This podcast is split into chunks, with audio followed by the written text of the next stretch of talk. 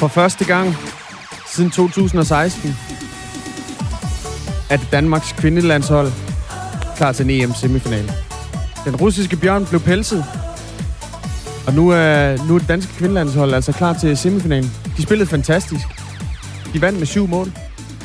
Ikke mindst øh, takket være Mie Højlund og en vis målkvinde. Målvogter. Lad os sige målvogter. Målvogter. Sandra Toft. Det kunne du ikke lide, det udtryk.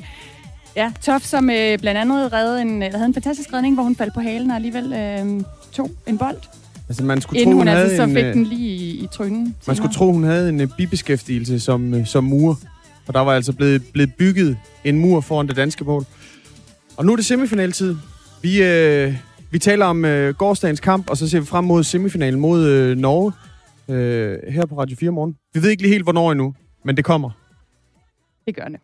Øhm, og hvad der også kommer, det er, øhm, at øh, vi skal tale om det øh, politi, den politiaftale, der er faldet på plads.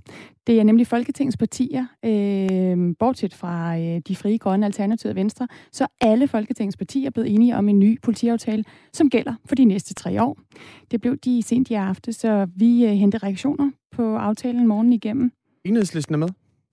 Enhedslisten er med dem. Vi skal blandt andet tale med øh, Rose Lund fra Enhedslisten. Hvis vi bare lige skal tage øh, overskrifterne på den her aftale, så er det 450 nye betjente, 20 nye nærpolitienheder, og at politiet skal efteruddannes i at håndtere voldtægter og vold i nære relationer, og så også en styrket indsats mod digital kriminalitet. Og blandt andet det her med, øh, at politiet skal efteruddannes i at håndtere voldtægter og vold i nære relationer, var jo en af de ting, som både SF og Enhedslisten havde kritiseret det første udspil, der kom fra, fra S, for ikke at indeholde. Og det har de altså fået med nu. Og så, øh, så åbner vi også en ny lov i vores øh, julekalender. Det gør vi med, vores øh, reporter Anton Ringdal og Christoffer Christensen. De har nemlig besøgt Motalervej i Korsør for at høre, hvad, hvad beboerne i området de mener om, at Folketinget i begyndelsen af, af året, der venter, skal tage stilling til, om dømte kriminelle hurtigere skal kunne blive smidt ud af deres lejlighed. Altså det er for eksempel, hvis en, øh, en ung mand på 16 år begår kriminalitet, jamen så skal øh, hele familien i så tilfælde fraflytte deres legemål. Det, øh, det taler vi om øh, med personen, som har foreslået det her. Det er formanden for den lokale boligforening og byrådsmedlem for Venstre, Jens Ebbe Algren. Og Christian Magnus, så er det jo i dag, at det er den 16. december, og det vil sige, at der er 15 dage til, at vi kan fejre, at vi skal træde ind i 2021, et nyt år. Jeg tror, der er rigtig mange af os, der glæder os til at sige uh, farvel, og måske ikke så meget tak til, til 2020. Øhm, altså, kan vi ikke blive enige om, at det har, det har sgu været et lorteår? På rigtig mange måder. Jo. Altså sygdom, død, nedlukning, skidt år. Men der er jo altså nogen, der har haft et godt år. Sådan er det altid. Og jeg tænker, at øh, med 15 dage tilbage, så er det ikke for sent at prøve at skyde i gang, hvem der egentlig har haft et fedt 2020. Altså, hvem har været vinderne på trods af corona, på trods af nedlukning, på trods af overfyldte hospitaler? Øhm, det er jo ikke, altså, det er jo, det er jo ret oplagt, at der er nogen, der faktisk har klaret sig godt i år. Og det, øh, det vil du fortælle mere om, Signe, Jamen, er der nogen, der Stine, lige kunne jeg sådan, øh, springer dig i øjnene? Aktiemarkederne har jo sådan set ikke lidt øh, Nej. så meget i år, som man ellers øh, kunne forvente, når nu øh, samfund efter samfund, land efter land lukker ned, når økonomien jo egentlig er hårdt ramt, når der vedtages øh, milliardhjælpepakker i EU og også øh, nationalt her i Danmark. Øh, de er jo bare bullet derudad.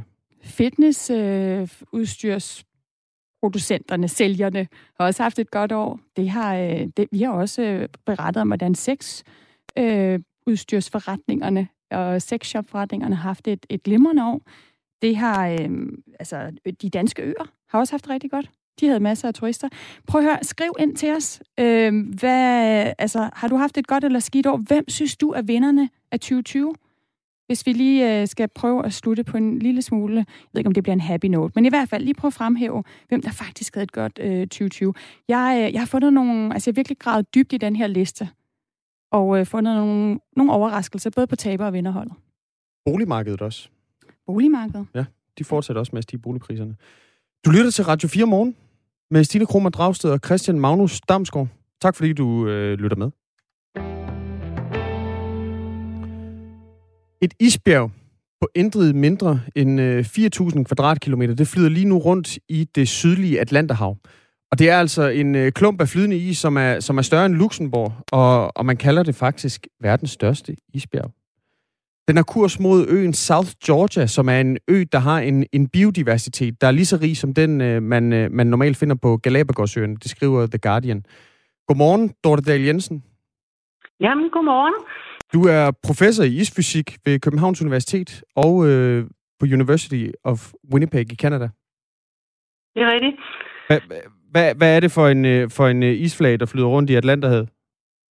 Jamen, det er jo en, kæmpe stor is, isbjerg, der knækkede løs fra Antarktis øh, tilbage i 2017.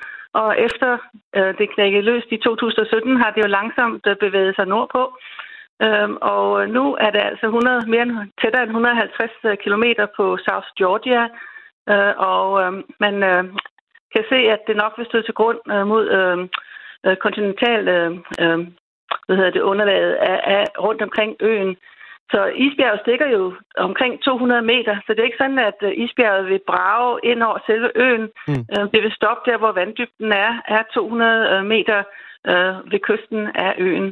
Men det er jo et helt enormt stort isbjerg, øhm, og, øh, og det kan jo ligge der i mange år, og det man frygter er, at det bliver liggende i mange år, og hvad det så vil betyde for dyrelivet omkring øen. Ja, og det, det vil jo være mit næste spørgsmål. Hvad kan det få af, af konsekvenser for, for dyrelivet og så videre på, på øen South Georgia? Der er mange øh, pingviner og sæler øh, på, på øen, øhm, og de lever jo af, af, af, af, af primærproduktionen, de små fisk og, og hvad der er omkring, som, som ligger nede ved bunden af, af havet. Øh, og når, når isbjerget ligger der, så, så vil det jo øh, smelte, og, og, der, og, og en masse, der vil komme en masse ferskvand ud, ud og, og, og det vil også skrabe hen over bunden og ødelægge øh, det liv, der er nede ved bunden. Så man frygter, at, at, at madkilderne for de dyr vil blive påvirket, og særligt frygter man så for den, altså den nye, de nye, de nye, den nye generation, de nye pingviner og de nye sælunger, som, som kommer til. Men øh, man er ikke rigtig klar over, hvor meget det vil betyde, og øh, englænderen British Antarctic Survey har i flere år prøvet at sende en ekspedition ned for, for at undersøge, hvad det betyder. Og nu er der altså en ekspedition på vej, og de, de vil så prøve at have sådan nogle øh, glider, sådan nogle øh, øh, hvad hedder det, små øh, ubemandede øh, ubåde, der, der flyder rundt under isbjerget. Vi prøver at se, hvad der egentlig sker, når isbjerget ligger der. Men kan det ikke bare, øh, nu, nu nævner du, man er, man er bekymret, man ved ikke helt, hvilke, hvilke konsekvenser det kan have for dyrelivet, men man er bekymret for, at det for eksempel fjerner fødekilden for, for pingviner og, og sæler. Kan de ikke bare øh, svømme et andet sted hen? Altså, nej, det, det, kan, det kan de ikke. De er sådan nogle, der, der kommer fast til det samme sted og yngler hver år.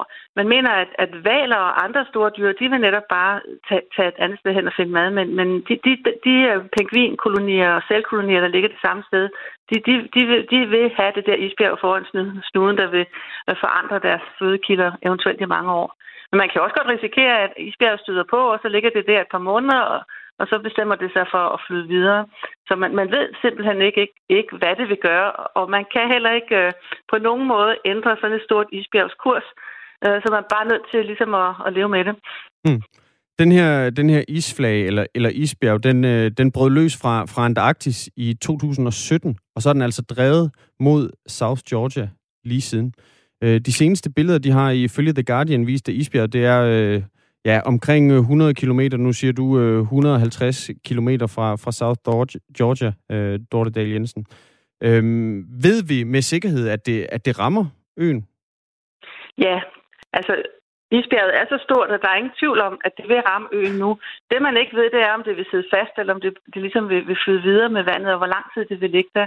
Øhm, man, man ser, de her store isbjerge, de kommer med, med jævne mellemrum, og i den, i den periode, man har kunne observere isbjergene, har man set tre øh, isbjerge af den her størrelse, så det her det er den, omkring den tredje største, man har set. Og det, der sker, det er, at de, de driver ud i havet, og så er deres historie meget forskellige. De kan, at de kan drive ind mod et eller andet land og sidde fast, de kan også være ude i havet, og så langsomt vil de knække op i mindre stykker, og, og, og på den måde blive mere ubetydelige, og, og på den måde efterhånden smelte. Øh, men man kan ikke påvirke det, man er bare nødt til at, at finde sig i det. Og, og øerne South Georgia, de får mange isbjerg på besøg. Det er meget almindeligt, der kommer mindre isbjerg fra Antarktis, så det er ikke noget nyt, at de ser et isbjerg. Det, der er nyt, det er, det sådan et, et så stort et isbjerg, der kommer. Mm. Nu fortæller du så også, at der er et, øh, et hold forskere, som vil, som vil tage dig til for ligesom at undersøge, øh, hvad det kan have implikationer, hvis, hvis det her isbjerg det, det støder ind i øen. Øhm, hvad er det helt konkret, de skal undersøge, og hvordan kommer det der til at foregå? Jamen altså, de vil, de vil jo prøve at se, hvordan det her isbjerg øh, påvirker øh, det marine liv. Øh, så de har en masse udstyr med til, at, til ligesom at undersøge, hvad der sker nede ved bunden. Og det er de der ubemandede øh, glider, altså sådan nogle øh, instrumenter, man sender ned mod bunden, der ligesom kan, kan, kan filme øh, livet dernede, og det kan tage prøver af vandet, så man kan se, hvordan, hvor meget ferskvand der, der, der, der afgives. Okay. Tak fordi du var med, Dorte Dahl Jensen. Jamen, jamen selv tak, og have en god morgen. Ja, i lige måde. Fortsat god morgen. Jo, tak. Hej, hej. Du. Hej, hej. Altså professor i, i isfysik ved Københavns Universitet og University of Winnipeg i Canada. Den har altså ikke uh, ramt uh, South Georgia endnu, det her uh, gigantiske isbjerg, men uh, det kommer til at ske. Som vi også hørte Dorte Dahl Jensen sige, der er ikke noget, vi kan gøre for at stoppe det. Nu må vi bare se, hvad der så kommer til at ske, når det rammer. Så det kan vi faktisk godt få til listen over øh, nogen, der har haft et dårligt år. Måske snart den her ø, som bliver ramt af et stort isbjerg. Øh, Michael han skriver også ind øh, på det her spørgsmål, jeg lige stillede, om øh, hvem, er, hvem er vinderne og taberne her i 2020. Øh, jeg efterlyser først og fremmest vinderne. Jeg tror, vi har rigtig mange på den her øh, taberliste allerede. Michael skriver, vinderne er de, som solgte deres aktier i februar og købte igen den 23. marts 20. De har skåret penge i en mængde, så vi nu fremover vil se vejene befærdet med en masse fede jubislæder. Øh, de fleste heldigvis med grøn energi. Bedre kan det vel ikke blive. Sådan skriver Michael ind. Og vi skal jo lige sige, at det er for dem af jer, der ikke, der måske for første gang har tændt for Radio 4 morgen, det skal I være velkommen til, så er det jo altså 1424. I sender jeres besked ind til. I starter den med R4, så lander den lige i indbakken, øh, hvor mig og Christian Magnus kan læse den. Og en af de beskeder, jeg også kan læse, det er den her. Godmorgen, jeg har haft tre måneder hjemme med løn. Det var godt for hjernen, sindet og huset. I går aftes, der landede der et øh, nyt politiforlig. Øh, og det er altså et, øh, et forlig, som har været øh, meget længe undervejs, og også øh, meget omdiskuteret på vejen til vedtagelse. Ikke mindst om de her nære politistationer, som, som længe har været et, et punkt, der lå øh, regeringen meget nært at få med i, i den aftale her. Og så kom det så i går, altså 20 nye lokale politistationer, som skal placeres rundt om i landet, og de skal bemandes af 110 landbetjente. I alt så er man blevet enige om, at der, skal, at der ydermere skal tilføjes øh, 450 nye betjente. Og forliget indeholder også efteruddannelse til politi i at håndtere voldtægter og vold i nære relationer, og en øh, styrket indsats mod digital kriminalitet, et nationalt rejsehold og en masse andet. Hvis man skal sige det med to ord, så er det det nære og det svære. Det nære og det svære, sagde altså justitsminister her, øh, Nick Hækkerup, da han skulle beskrive forliget i går aftes. Øh, og det er også øh, det helt øh, grundlæggende for det her forlig, det er et, øh, et forsøg på at flytte politiet ud blandt borgerne. Flere betjente og nye politistationer, det koster dog også penge. Og det her, det skal, det skal blandt andet finansieres ved øh, højere bødetakster, flere fartkontroller, dyre køreprøver. Og nu skal det ikke længere koste 600 kroner at komme op til, til den her køreprøve, men altså 1000 kroner. Men måske det allermest bemærkelsesværdige ved den her aftale, det er ikke, hvad politiforlidet indeholder, men hvem den indeholder. Fordi øh, traditionens tro ved, ved forlig, så er det næsten alle partier, der er med i aftalen, lige fra Nye Borgerlige til Enhedslisten.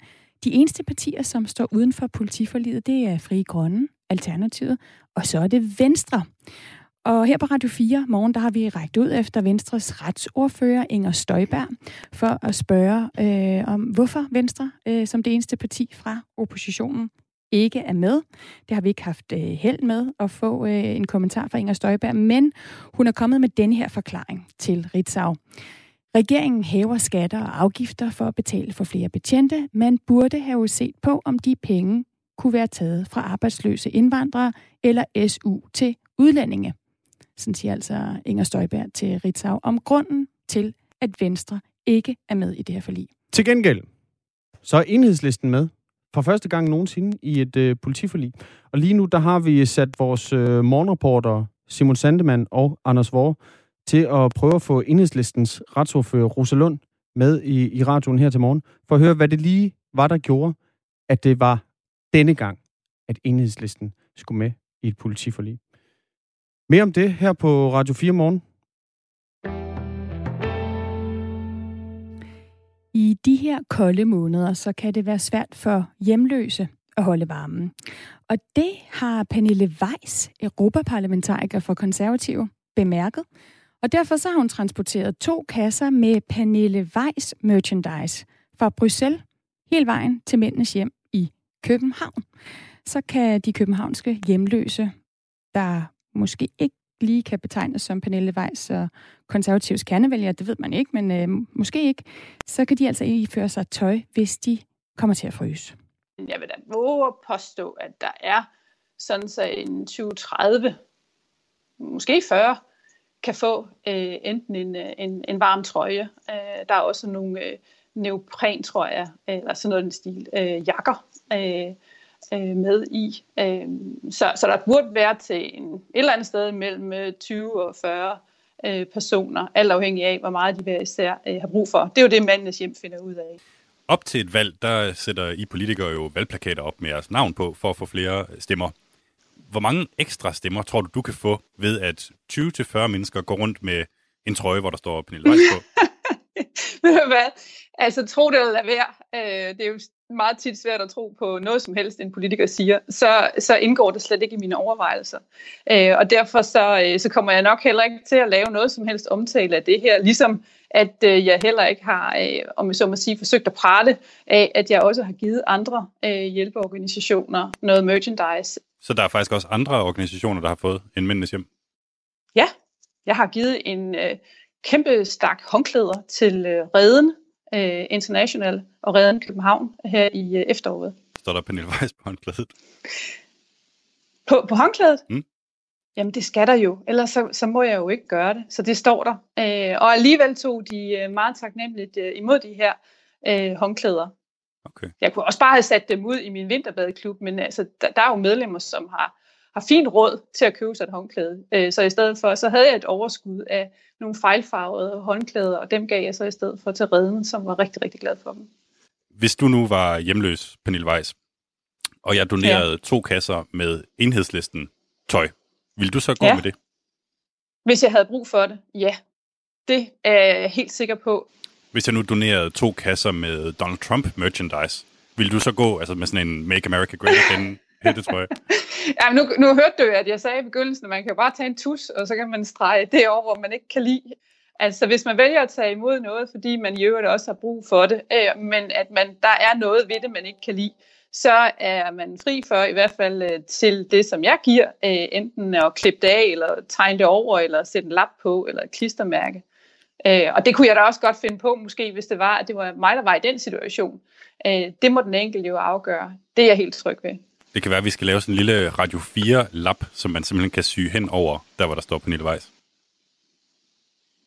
Ja, se, det er jo en interessant øh, model, øh, Mads, fordi der vil jeg jo så et eller andet sted sige, at, øh, at det måske ikke helt er i tråd med, hvad I får jeres støtte til øh, i forhold til, øh, til medieøkonomien. Øh, okay. Det skal jeg ikke kunne sige. Jeg tror bare lige, du skulle prøve at snakke med en, øh, en jurist først, ligesom jeg i øvrigt har øh, talt med dem, jeg skal øh, have godkendelse for hernede, når jeg nu gør det, jeg gør, som åbenbart i nogens øjne er sådan lidt, hvorfor nu det-agtigt. Mm. Når du nu skal give dine venner og familie julegaver i år, Pernille Weiss, ligger der så også en lille smule Pernille Weiss merch under juletræet? øh, ja, det, det, det vil jeg da ikke udelukke. Altså, øh, nu skal jeg jo så være sammen med mine forældre og mine, mine børn, øh, og, og mor og far har fået de her øh, skovarmer, som, øh, som ja, vi har fået, også fået lavet øh, her på, på kontoret. Øh, så jeg tror, at de vil sige nej tak, hvis jeg prøver at prakke dem sådan en på, i stedet for øh, en af de andre julegaver, jeg, øh, jeg, har, jeg har købt til dem. Det er vært på Radio 4's EU-program Lobbyland, Mads Anneberg, der har talt med Pernille Weiss. Øhm, for det er altså en meget smart måde at skaffe nye vælgere på, hvis det nu var det, man øh, ville. Men nu kan man jo godt tænke, at øh, konservativs Pernille Weiss bevæger sig lidt ind på enhedslistens territorie ved sådan at uddele merchandise til hjemløse. Og derfor så har Mads Anneberg spurgt enhedslistens europaparlamentariker Nikolaj Willumsen, om han også har enhedslisten merchandise, som han deler ud. Ja, det, det er der mange, der har fået. Det har jeg, det har jeg ikke gjort endnu. Det er simpelthen fordi, at Pernille Weiss fra De Konservative har besluttet sig for at donere en masse Pernille Weiss trøjer øh, og Pernille Weiss tasker og Pernille Weiss termokopper til mændenes hjem i København. Og det kunne jo godt være, tænkte jeg, at nogle af de her hjemløse hellere ville gå rundt i en enhedslisten trøje. Det kunne man jo meget vel forestille sig. Altså det er klart, at hvis der er en, en et udbredt ønske hos de hjemløse øh, om at gå med konservativ merchandise, så bliver de jo sikkert glade. Øh, men man kunne jo også se, se det lidt som en pådutning af mennesker i nød, øh, øh, at de blev, øh, blev påduttet at gå med særlige politiske budskaber. Øh, så øh, øh, at det vil jeg da sige, at jeg personligt nok selv ville være varsom med at gøre. Det kunne også være, at du i stedet for skulle gå ud og se, om du kunne få fat i nogle konservative kernevælgere, altså ude på, på Frederiksberg og gå rundt og dele øh, designerhandsker eller sådan noget ud? Jamen altså, det kunne da sagtens være, at jeg skulle stå med nogle røde flag med enhedslisten øh, på, øh, i Gentofte, øh, og øh, prøve at få dem afsat. Nej, det, det, det er klart. Møde op hver gang der er en tvangsaktion af en stor villa, og så aflevere et, øh, et, øh, et rødt flag med et ø. Øh, det, det ved jeg ikke, om det folk vil, vil synes bare sådan upassende, men, øh, men øh, det kan jeg da overveje. Det vil han overveje Europaparlamentariker Nikolaj Willumsen, som øh, Mads Anneberg altså havde talt med. Og du kan høre Lobbyland her på Radio 4 i dag klokken 10, som sædvanligt. Du kan selvfølgelig også hente der, hvor du henter dine øh, podcasts. Og i dag, det er, jo, øh, det er jo ikke bare en hvilken som helst onsdag, det er også dagen, hvor de her restriktioner, som jo ellers har, har galt i, i 69 kommuner, mener det var, de blev udvidet til, til hele landet. Øh, og det betyder blandt andet, at alle restauranter og barer lukker, må stadig selv takeaway. Teatre, spillesteder, museer osv., biografer lukker også. Skolebørn fra 5. klasse og op efter sendes hjem. Og så skal offentlige arbejdsgiver, de bliver i hvert fald opfordret til at hjemsende alle medarbejdere, som ikke varetager kritiske funktioner. Så altså de her øh, restriktioner, som, øh, som vi her i Aarhus jo øh, har levet med noget tid nu, de bliver altså udvidet til at gælde hele landet. Ja, det gør de. Og der er jo også altså, indendørs arealer i for eksempel forlystelsesparker og zoologiske haver. De skal også holde lukket. Det er jo blandt andet betydet, at Tivoli i København har lukket. Det har uh, Tivoli-friheden i Aarhus ikke endnu. endnu. Et af de steder, man stadig kan, kan nå at gå hen. Øh, det kan vi jo få til listen. Måske alt efter, hvordan man ser på det. Ja, det ved jeg faktisk ikke. Det er måske sådan lidt søgt at få det til listen over, om det har været godt eller skidt over. Så der er nok, de fleste der er så trætte af nedlukninger. øh, men øh, det sker jo også øh, for en grund.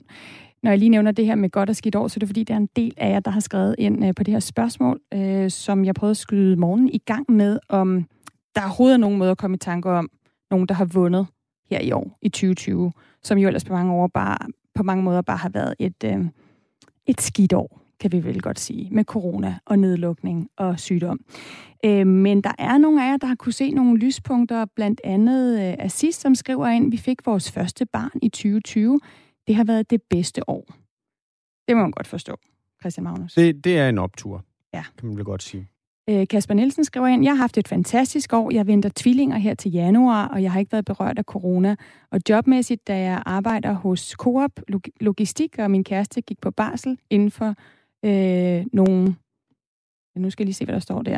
Det er jeg faktisk ikke helt, helt sikker på. Men i hvert fald et godt år hos Kasper Nielsen og Nissen og kæresten. Som, øh, Kasper Nissen? Ja. Lidt, lidt jule. Der er lidt julestemning der. Der er flere sms'er. Ja, øh, der, der er blandt andet kommet nogle øh, sms'er på, øh, på det interview, vi lige havde her med, øh, med Pernille Weiss og øh, Nikolaj Willumsen om, øh, om at øh, Pernille Weiss, jo europaparlamentariker for konservativ, deler, deler tøj ud til, til de hjemløse, hvor der altså er lidt øh, konservativ reklame på. Der er en, der skriver, hold nu op. Hvis de ikke vil gå i tøjet på grund af et navn, så kan de jo bare lade være hvis der på grund af merchandise-reglen skal være navn på, så er det vel bare øh, det. Øh, og så synes jeg sådan set bare, at gaven er, er helt i orden. Venstrefløjen bliver ikke kritiseret eller får opmærksomhed omkring deres merchandise, så hvorfor skal Pernille Weiss stille sit tvivl om interessen, skriver altså Mik. Klokken er blevet halv syv, og det betyder, at der er nyheder.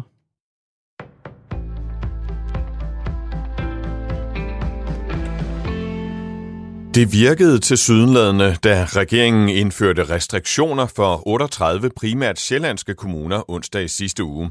Netværksdata fra teleselskabet 3's mobilnetværk viser nemlig, at rejser mellem de 38 kommuner faldt med knap en femtedel. Helt præcis var der på nedlukningsdagen 9. december i gennemsnit 19 procent færre rejser ind ud og på tværs af de 38 kommuner sammenlignet med onsdagen for inden den 2. december. Sidenhen er yderligere 31 kommuner blevet omfattet af de delvise nedlukninger, og i går blev det så meldt ud, at alle danske kommuner fra senere i dag vil være omfattet. Det betyder, at restauranter, barer, caféer skal lukke, de store elever i folkeskolen skal undervises hjemmefra, og mange kulturelle institutioner og motionsaktiviteter bliver lukket. Hvis coronavaccinen fra Pfizer og BioNTech bliver godkendt i EU den 23. december, så vil vi i Danmark begynde at vaccinere mod coronavirus på denne side af nytår. Det siger Thomas Senderovis, der er direktør for Lægemiddelstyrelsen. Der øh, regner vi med, at der går øh, ikke mange dage fra den er godkendt til, at vi så har den i Danmark. Så vi kan vaccinere altså ret kort tid efter. Den 23. december bliver det endelig besluttet i EU-kommissionen, om vaccinen skal godkendes til brug i EU-lande. Den er i forvejen godkendt til nødbrug i lande som USA, Kanada og Storbritannien. Et bredt flertal i Folketinget indgik i aftes en aftale om et nyt politiforlig for 2021-23. Aftalen sikrer blandt andet 450 nye betjente og politiet nye våben. Og som en del af aftalen kommer 20 nye nærpolitienheder rundt om i landet. Justitsminister Nick Hækkerup sagde efter indgåelsen af aftalen. Det her er en rigtig, rigtig god aftale, og den lægger betydeligt til øh, dansk politi. Vi får et politi, der er så stort, som det har været, i hvert fald siden den sidste politireform i 2007. Aldrig har vi haft så mange betjente før. Politiforlidet sætter rammerne for politiet og anklagemyndigheden, og det skulle have været på plads allerede sidste år, men på grund af problemer i politiet og i anklagemyndigheden, så besluttede regeringen dengang at udskyde forhandlingerne om en ny fireårig aftale for politiet. USA's kommende præsident Joe Biden har peget på Pete Buttigieg, der var hans modstander under det demokratiske primærvalg tidligere i år som sin transportminister, det oplyser Bidens overgangshold i en erklæring i nat dansk tid. Den 38-årige tidligere borgmester i byen South Bend i Indiana har aldrig tidligere siddet i et føderalt embede, og hvis han bliver godkendt i senatet som minister, så vil han være den første åbne LGBT-person på en ministerpost i USA. Halvdelen af britterne er imod regeringens planer om at lempe coronarestriktionerne i juledagene, det viser en ny meningsmåling. 50 procent svarer således i meningsmålingen foretaget af Kantar, at de er imod eller er stærkt imod regeringens planer om at lempe restriktionerne i fem dage omkring jul. 40 procent svarer til gengæld, at de støtter regeringens plan. Storbritannien har registreret flere end 65.000 coronarelaterede dødsfald under pandemien, og det er det næsthøjeste dødstal i Europa, lige efter Italien. Det danske kvindelandshold i håndbold sendte i aftes Rusland hjem fra EM i den altafgørende gruppefinale.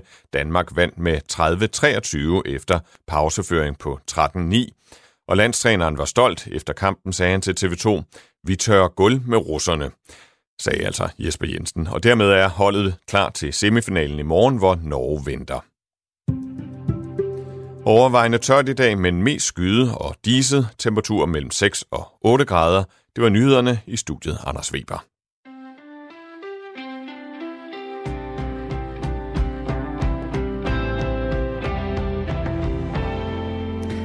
Selvom der har været meget nedlukning, og det har gået over rigtig mange store sportsarrangementer, EM er blevet udsat, OL, øh, så som vi lige hørte os her i nyhederne, er det jo gået rigtig godt. Øh, også for en hel del danske sportsgrene. Blandt andet nu håndboldpigerne, så dem kan vi få til listen, måske over vindere håber vi vil blive ved med at kunne også, når de skal i øh, semifinalen. Vinder i 2020.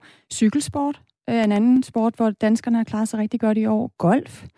Uh, ja, jeg prøver bare lige at udvide den her liste her med 15 dage, inden vi går ud af det her år, med hvad vi trods alt kan kigge tilbage på og tænke, okay, der var noget godt, der skete i år. Prøv at finde, finde opturene i et år, der ellers har været martret af restriktioner og corona osv.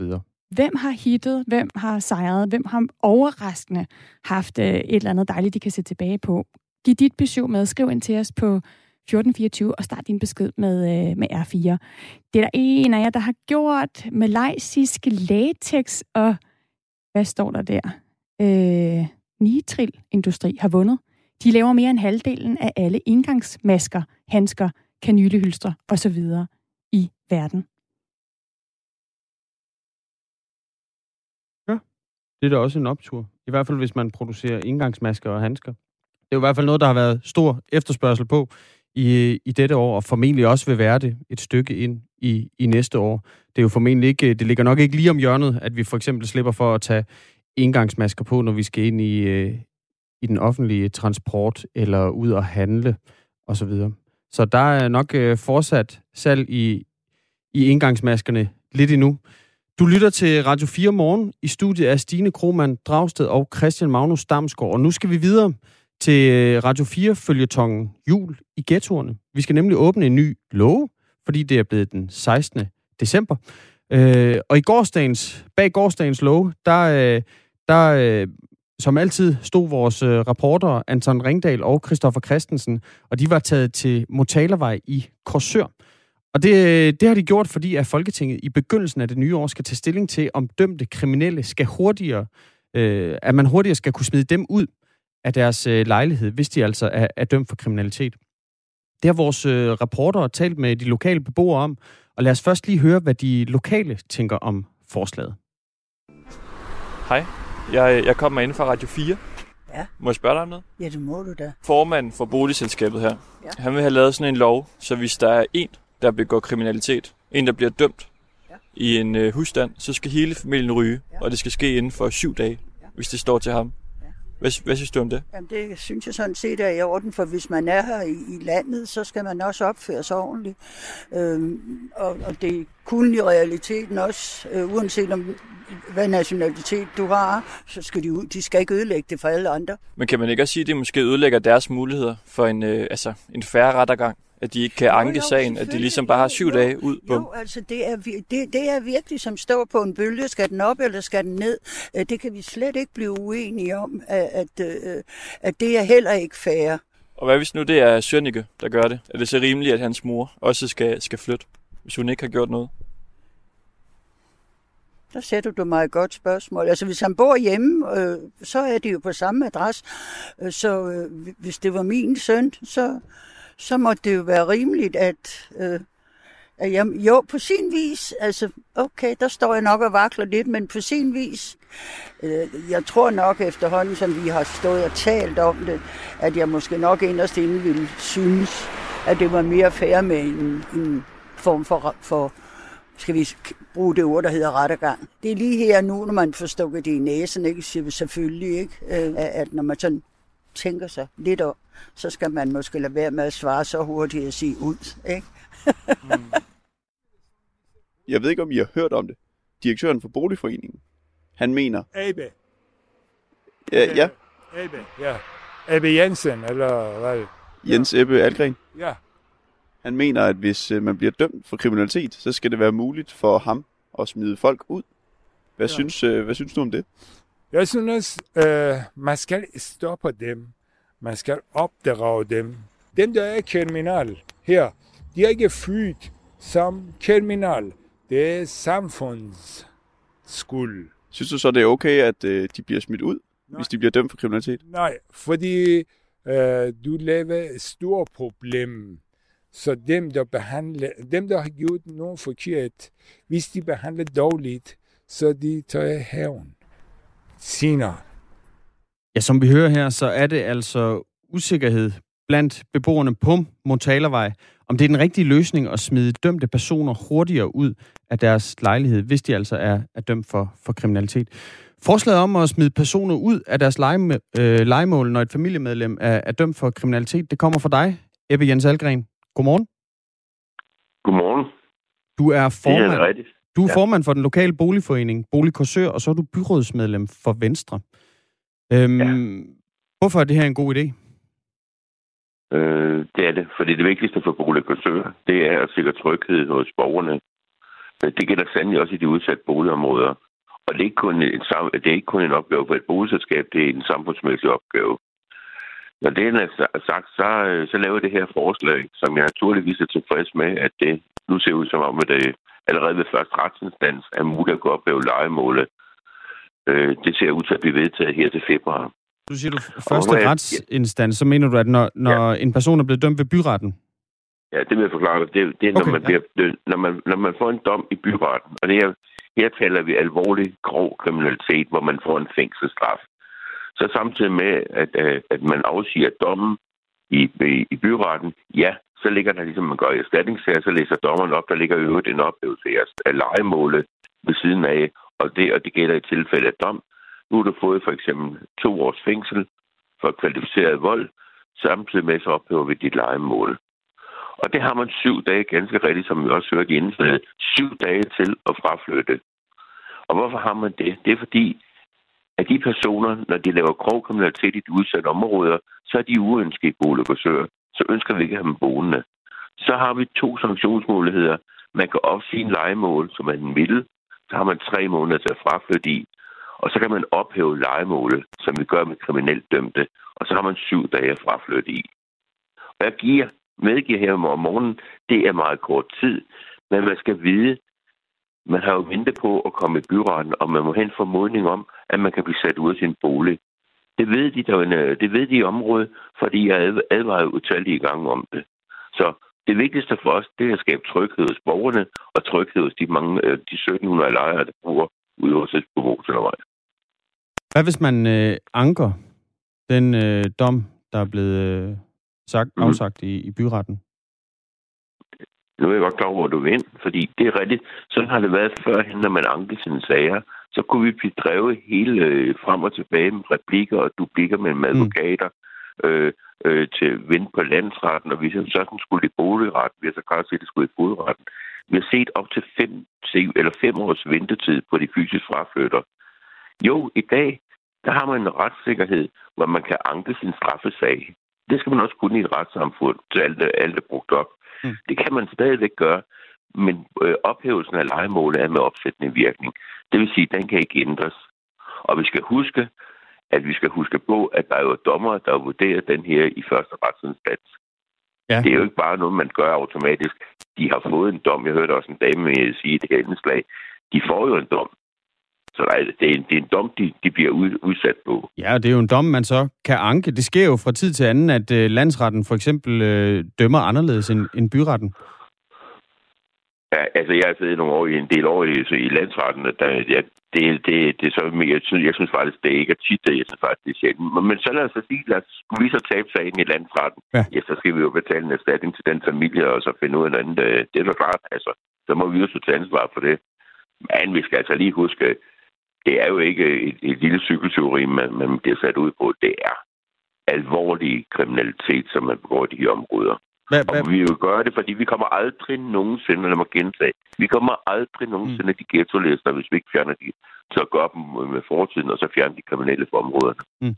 Hvad er det for noget kriminalitet, man skal have begået for at, blive, for at få ophævet sit legemål? Nu får du ikke meget, selvom det er tidligt, får du mig ikke til at sige, hvad for noget man må gå, at man ikke må gå. Men jeg kan sige, jeg kan nævne nogle ting. Lad ja. mig nævne drabsforsøg, øh, knivstikkeri, røverier, øh, kvalificeret vold, vold mod politiet øh, og den slags ting. Altså, der er mange ting. Det er grove kvalificeret vold? man får en fængsel. Kvalificeret vold, for ja. eksempel, ja. Hvad, hvad er det? Øh, helt præcis. Undskyld, det er måske et dumt spørgsmål. Jamen, lad mig nævne eksempler på. Vi har jo ophævet legemål med nogen i gennem tiderne. Mm. Øh, blandt andet for, for brandstiftelse i boligområdet. Vi kan ikke have folk sætter i det derude. Øh, øh, grov vold, hvor man overfaldt en pensionist. Øh, mm. Væbne røveri med en af vores vagter i vores kvarterhus. Og det, det er jo acceptabelt. Det vil vi ikke finde os i. Og jeg tror, hvis jeg må sige, jeg tror, at ikke kun i Bo, øh, jeg er tilfreds med, med, med, at det her ser ud som om, man, man er lytte og faktisk bringer mit forslag direkte til vedtagelse. Jeg tror, rigtig, rigtig mange boligselskaber i Danmark har fået, det, har fået med den her. Og de sidder med de samme, øh, øh samme ting. Vi har Møllerparken, Gellerupparken og, og så videre, Voldsmose. Der er jo rigtig mange, der sidder og, og, og kan bruge det her værktøj til at skabe tryghed i deres boligafdelinger. Ebbe Jens Algren, du er altså formand for den lokale boligforening, øh, Bolig Korsør og byrådsmedlem for, ja. for Venstre. Ja. Øh, ja. Mortaler var i, i Korsør her, de har jo længe været plaget af en, en konflikt mellem to rivaliserende familier med, med oprindelse i, i Libanon. Øh, og det har blandt andet medført masse slagsmål, butiksherværk og, og også en, øh, en skudepisode. Og det er så blandt andet derfor, at regeringen i, i begyndelsen af det nye år vil fremsætte et lovforslag, som skal gøre det muligt at smide dømte hurtigere ud af deres lejeboliger. Mm. Øh, og det er også et, øh, et forslag, som du nævner her, at der, der er opbakning til fra et, et flertal på Christiansborg. Så er der jo også hele det her med, at man straffer en hel familie for et enkelt, en enkelt persons brøde. Har du gjort dig nogle ja. tanker om det? Øh, ja. ja. Jeg synes ikke, det er øh, jeg synes ikke, det er morsomt, at lille søster skal flytte med på tre år. Nej. Men det er, vi skal bare huske, nej, men vi skal bare huske, vi ophæver ikke enkeltpersoner. Vi ophæver legemålet. Det er sådan matriklen. Og hvis man har en søn på 17 år, der bor der, der laver noget grov kriminalitet og får en straf for det her, så har man også som forældre ansvar for at opdrage sine børn. Så har man jo et ansvar. Og man har jo et ansvar for dem, der er på husstanden. Så, så derfor ophæver vi legemålet. Ja, men det her det kommer jo for eksempel også til at gå ud. Nu nævner du et eksempel med en, øh, det kunne være en lille søster på tre år. Ja. Ja. Som på, som på, altså den her familie, som på, på syv dage så skal finde et andet sted at bo, på grund af en måske øh, 16-årig storebrors øh, kriminelle handlinger. Hvorfor skal, det gå ud, hvorfor, hvorfor skal det gå ud over lillesøsteren også? Nu siger du, det er bare et legemål, I ophæver. Men det, på det legemål, der bor jo mennesker. Øh, ja, men hvordan skulle, vi, hvordan, skulle vi, hvordan skulle vi kontrollere de her ting? Hvordan skulle vi forhindre, at øh, sønnen kommer der og er i hjemme?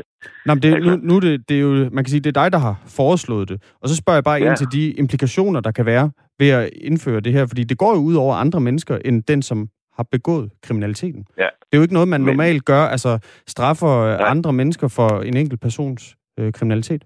Men så lad mig sige det, jeg, jeg har sagt hele vejen, og det siger jeg også nu. Jeg vil hellere beskytte 7.000 lejere frem for nogle få kriminelle dømte, og deres, så lad mig kalde og det, deres familie. familie med, deres uskyldige familiemedlemmer, kan man sige, til status. Nogle af dem i hvert fald. Mm. Dem vil jeg hellere beskytte. Fordi, altså, det er et leje. Som sagt, så, så giver det så, at det legemål, man ophæver, det er ikke enkelte personer. Så det er, det er dem, der går på matriklen, man ophæver. Selve legemålet. Mm. Så, det... så kan man jo diskutere, om det er retfærdigt eller ikke retfærdigt for lille søsteren, men, men jeg er altså ikke sikker, synes det er du? ikke sådan, det, øh, jeg, når man er barn, er det vigtigste at være sammen med sine forældre, så, når man er tre år for eksempel. Men, men, men det er jo ikke sådan, at lille søsteren aldrig får en bolig hos os mere. Det er ikke sådan, det hænger sammen. Men hun gør men, jo ikke, normalt... det, hun gør jo ikke, altså hvis det, hvis det for eksempel er en ung mand på 16 år, så kan den familie jo ikke øh, finde en boligfamilie, uden at den 16-årige der flytter med. Og så går det jo også ud over den, den treårige lillesøster.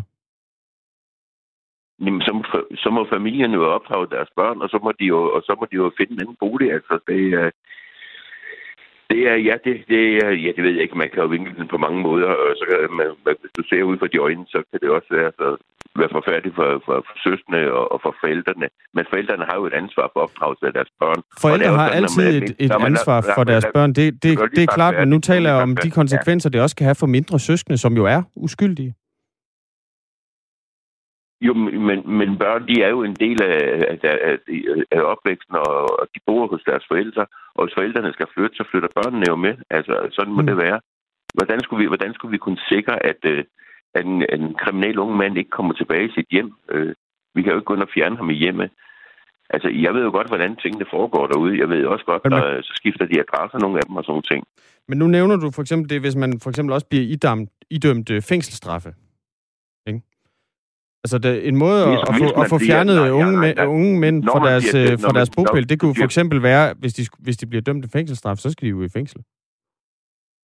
Du vinkler det forkert. Du siger, hvis man bliver dømt. Altså, vi sætter dem ikke ud, hvis de ikke får en fængselsstraf for grov kriminalitet. Det skal vi så lige huske. De, de, de får jo en dom for det her. Mm. Og vi skal stadig huske det, ja, vi skal stadigvæk huske, det er legemål, vi ophæver. Det er ikke enkelte personer. Og det er vigtigt, at man skiller mellem det.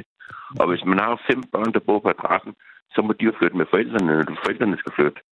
Hvorfor skal man skælde du mener ikke, hvis man har en 16, du mener ikke, hvis man har en 16-årig dreng, der laver et, et knivstikkeri ned på gaden, øh, lige foran bogpælen eller i opgangen, at så skal, så skal forældrene ikke flytte. Så skal han jo i fængsel. Ja, det skal han. Men skal forældrene så ikke flytte, synes du? Det, ved, det er ikke mit forslag, det er dit forslag. Jeg forsøger at forsvare mit forslag. Ja. Skal han så kun komme tilbage til lejligheden igen? Ude i området? Vi kommer aldrig... Altså forældrene eller lillesøsteren? Eller den, den person, som har begået knivstikkeriet? Jeg kan godt forstå, at man ikke vil have en, en person, som øh, går og stikker folk ned på gaden, boende i sit, øh, sit legemål. Okay. Men det er jeg glad for. Men, men det, det, det hindrer ikke ved, at, øh, at, at vi ophæver legemålet med dem. Og det ser også ud til, at der er et stort flertal til. Så og det er jeg rigtig glad for. Og det er jeg glad for de 7.000 lejere, som bor hos os, som godt vil opføre sig ordentligt, som vil bo godt og trygt. At man alle skal kunne bo godt og trygt i omkring deres bolig, uanset om man bor i et ghettoområde, eller man bor i et parcelhusområde op i, i, i Hellerup. Så skal alle kunne bo trygt og godt ved deres hjem. Ebbe Jens Aldring, må, jeg, må jeg lige spørge dig om noget til sidst, fordi vi kan jo blive enige ja. om det her med, at alle skal bo godt og trygt, og vi kan blive enige om, at det ikke er okay at have unge, der løber rundt og laver mm. ballade og stikker folk ned. Øhm, det er jo én ting, men det, det vi diskuterer, det er jo retssikkerhedsprincipper. Så det vi bare prøver at finde ud af, det ja. er, om du er klar til at give køb på de her retssikkerhedsprincipper. Hvis det for eksempel betyder, at, øh, at en treårig pige og hendes forældre skal flytte ud af det samme, uden at man har haft mulighed for at anke afgørelsen. Jeg synes simpelthen ikke, det er rimeligt at kalde det retssikkerheden, fordi hvad med retssikkerheden hos de 7.000 lejere, som både vil bo godt og trygt, og ikke vil bo ved siden af en kriminelt dømte? Altså, de har vel også en retssikkerhed. Og man skal huske, man har Hvad er det for en retssikkerhed? Man, man, lad mig nu snart ikke færdig engang. Man har en retssikkerhed. Den retssikkerhed er, at der er nogle dommer, der har vurderet en sag i byretten. Det er det, jeg vil have. Så får man en dom, og så ophæver vi legemålet. Så har man den retssikkerhed, at man kan anke sin straffesag. Men det er rigtigt. Ophævelsen af boligselskabet for boligselskabet, den har opsat en virkning. Den kan ikke ankes. Lige den afgørelse. Men din straffesag kan ankes ankes. Og skulle vi tage den sag, så må vi jo øh, stå til ansvar for det og betale den erstatning, der skal til. Jeg er ganske tilfreds med den ordning, og, øh, og også med, at øh, legemålet bliver ophævet. Vi skal de kriminelle dømte væk fra områderne, ellers kommer vi aldrig at ghetto-liste. Og det er jo også et, et, øh, et forslag her, det forslag, som du har kommet med, øh, Evian Salgren, det er også et, der er, er flertal for på, på Christiansborg. Ja. Tak fordi, at øh, du var med til at forklare forslaget. Ja, Ja, og... tak, og rigtig god jul. Ja, god jul, du. I lige måde. Ja, i lige måde, du. Hej, du. Hej, hej, hej. hej.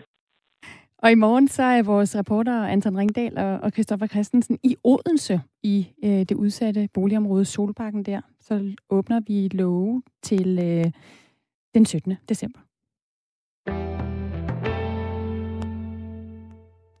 Nu skal det handle om, hvad en familie egentlig er. Øh, fordi i Ungarn, der bliver det nu sådan, at en familie fra nu af vil være defineret ved, at øh, moren er en kvinde, og faren er en mand, og homoseksuelle par vil ikke længere kunne adoptere. Det er altså den nye virkelighed i Ungarn, øh, Ungarn efter, at et flertal i det ungarske parlament i går stemte for en ny lovpakke, som er særlig rettet mod øh, homoseksuelle og LGBT øh, plus personer. Lasse Skøts, øh, den afstemning og hele den ud, politiske udvikling har du fulgt. Godmorgen. Godmorgen. Du er journalist og bosiddende i, i, Ungarn, og lad os Skøt, den her lovpakke, den blev stemt igennem med et stort flertal i parlamentet. Hvorfor har, vi kan jo godt kalde det en ret kontroversiel lovpakke, øh, om hvordan man blandt andet definerer en familie. Hvorfor har den fået så stor opbakning? Jamen, regeringen med Viktor Orbán i spidsen har gerne vil øh, understrege, at den klassiske kernefamilie i Ungarn er, er vigtig for det ungarske samfund. Så Orbán er, det er vist ikke ukendt for, for mange, at han er imod indvandring, og han ved også, at befolkningen i Ungarn skrumper. Så derfor er det vigtigt at værne om familien, der helst skal få så mange øh, ungarske børn som muligt. Så det, det er det lys, man skal se den her seneste ændring af, af Ungarns forfatning. Det er simpelthen skrevet ind i forfatningen nu, at, øh, at blandt andet det her med, at øh, personer og par af samme køn ikke skal kunne adoptere børn. Øh, så regeringen vil gerne have, at den afspejler og fremhæver Ungarns kristne og konservative kultur. Mm. Så altså den her nye lovpakke, som blev vedtaget i går, den, den gør det i praksis umuligt for, for par af samme køn, øh, for enlige år og for ugifte par øh, af, af forskellige køn at, at adoptere øh, børn. Og øh, med lovpakken, så bliver det også skrevet ind i, i forfatningen, altså at øh, definitionen på en familie er, at moren er en kvinde, og faren øh, er en mand. Hvordan har reaktionerne været fra øh, LGBT øh, plus miljøet i Ungarn? Jamen fra den side, så har forarvelsen selvfølgelig været stor, blandt andet hos den ungarske afdeling af Amnesty. Øh, her har man kaldt øh, gårdsdagen, hvor, hvor forfatningen blev vedtaget for en sort dag for menneskerettighederne, og for alle, der, der går op i ligestilling og menneskelig værdighed. Så man forsøger igen at råbe EU op, selvom man godt ved, at der næppe bliver gjort noget ved det her. Øhm, så der er sådan en følelse af handlingslammelse i, øh, i LGBT plus miljøet i, i Ungarn. De ved, at hvis de vil have ændret på det her nu, så kræver det et, et, valgned, et, valgned, undskyld, et valgnederlag øh, til Orbán-regeringen, og det ligger ikke lige for. Den her lovpakke, den, øh, den afspejler jo altså, altså et, et, et, en bred opbakning øh, blandt lovgiverne i Ungarn. Hvad, hvad med ude i befolkningen? Hvordan ser de på LGBT plus øh, miljøet? Jamen, det er rigtigt, at, at der er stor opbakning til den her øh, lovændring. Øh, det er sådan, at Orbán han har to tredjedel af, af, af sæderne i parlamentet, øh, så hans parti sidder meget tungt på magten. Men ude i befolkningen, så er det mere 50-50, hvordan, hvordan ungarerne forholder sig til Orbáns politik. Øhm, så det, det, det er en lidt splittet befolkning. Øhm, men når det så er sagt, så er det også vigtigt at huske på, at man faktisk ret bredt i den ungarske befolkning på mange områder også det her, øh, har et andet syn på tingene, end, end vi for eksempel har i Skandinavien. Øhm, Ungarne er generelt mere værdikonservative, også over blandt oppositionens vælgere til venstre for midten. Øhm, så, så generelt vil man nok se med mindre skepsis på denne her formulering om, at en mor er en kvinde og en far er en mand, øhm, end, end man for eksempel gør i Norden. Øhm, så vidt jeg kunne læse, så i, i Danmark er det kun 11 år siden, at det blev gjort lovligt for homoseksuelle at adoptere børn. Øhm, så på den måde, så, øh, så er man et andet sted i Ungarn. Mm. Og så er der jo EU, som jo så flere gange har kritiseret Ungarn for, ja, for, for love og regler, der, der strider med, med EU's idealer, både om, om demokrati og så i det her tilfælde om, om rettigheder. Amnesty International går ud og kalder den her nye lovpakke for et angreb øh, på LGBT plus øh, personer. Nu er Viktor Orbán jo ikke en mand, der, der er sådan... Øh, altså, han, generelt bryster han sig jo nærmest af at få kritik fra EU. Øh, det bruger han ofte indrigspolitisk. Lasse Skødt, øh, hvor kras skal kritikken være øh, fra EU, for Orbán tager, tager ja, bestik af den? Ja, det er rigtigt set, at øh, som rent politisk, så har Orbán jo mange gange erfaret, at han kan vinde vælgere i, øh, i hjemlandet i Ungarn, øh, eller i hvert fald mobilisere sin egen vælgerskare på at gå imod vestens liberale lande på en række områder. Og det gælder alt fra migration til familiemønstre og seksualitet. Og det er også den samme tilgang, øh, regeringen i Polen har. Så ja, øh, på de her områder, så synes man, at øh, man er gået for langt i Vesten. Øh, Orbán og hans vælgere, øh, de, de synes ikke, at man øh, skal, skal hylde åbne grænser og regnbuefamilier på den måde. Øh, det er sådan, de ser det. Men ja, så sent som i sidste uge, så har EU øh, vist i, i den seneste konflikt, der har været, at man ikke rigtig er i stand til for alvor at bremse Orbán eller Polen i deres forsøg på at gøre tingene anderledes end i, i resten af Europa. Og så længe EU ikke giver nogen sådan rigtige konsekvenser for Polen og Ungarn, så vil øh, kritikken forblive en, en kritik, og ikke rigtig mere end det. Mm. Og lige, det, kort, øh, lige kort til sidst, Lasse Skødt. Øh, internt i, i Orbans Fidesz-parti, der det lyder det så som om, det ikke har givet de store øh, øh, øh, sådan dønninger, at øh, et af deres fremtrædende medlemmer, en der var med til at stifte partiet, øh, som, som har været europaparlamentariker, Josef Schweizer, han jo altså her i starten af december blev taget i at være med i sådan et øh, sex, en sexfest for mænd. Øh, altså en mand, som jo selv også har gået ud og, og været meget fjendtligt indstillet øh, over for, øh, hvad hedder det, øh, over for ja, homoseksuelle. Øh, har det slet ikke øh, altså på nogen måde øh, givet nogen diskussion i Ungarn? Det har selvfølgelig fyldt rigtig meget i, øh, ja, i starten af december, hvor sagen kom frem. Øh, det har også sat lidt mere kulør på, på hele den her diskussion. Øh, men en, en ting, man skal forstå ved Ungarns politik, er, at, at det er meget, meget topstyret, så de her sager, der kommer frem, kan meget hurtigt blive faret ind under øh, gulvtæppet, vi skal på, sige det på den måde. Øh, og, øh, og der, er, det, der er så mange sager i Ungarn, at, at den her øh, sag om, om Josef Sejer, den virker allerede, som om den for længst er overstået. Øhm, det er i hvert fald så hurtigt, tingene udvikler sig i Ungarn. Mm. Så det har ikke påvirket diskussionen i, øh, og slet ikke øh, afstemningen. Lasse Skødt, øh, journalist bosiddende i Ungarn. Tak for at være med. Selv tak. Klokken er syv, og nu er der nyheder her på Radio 4.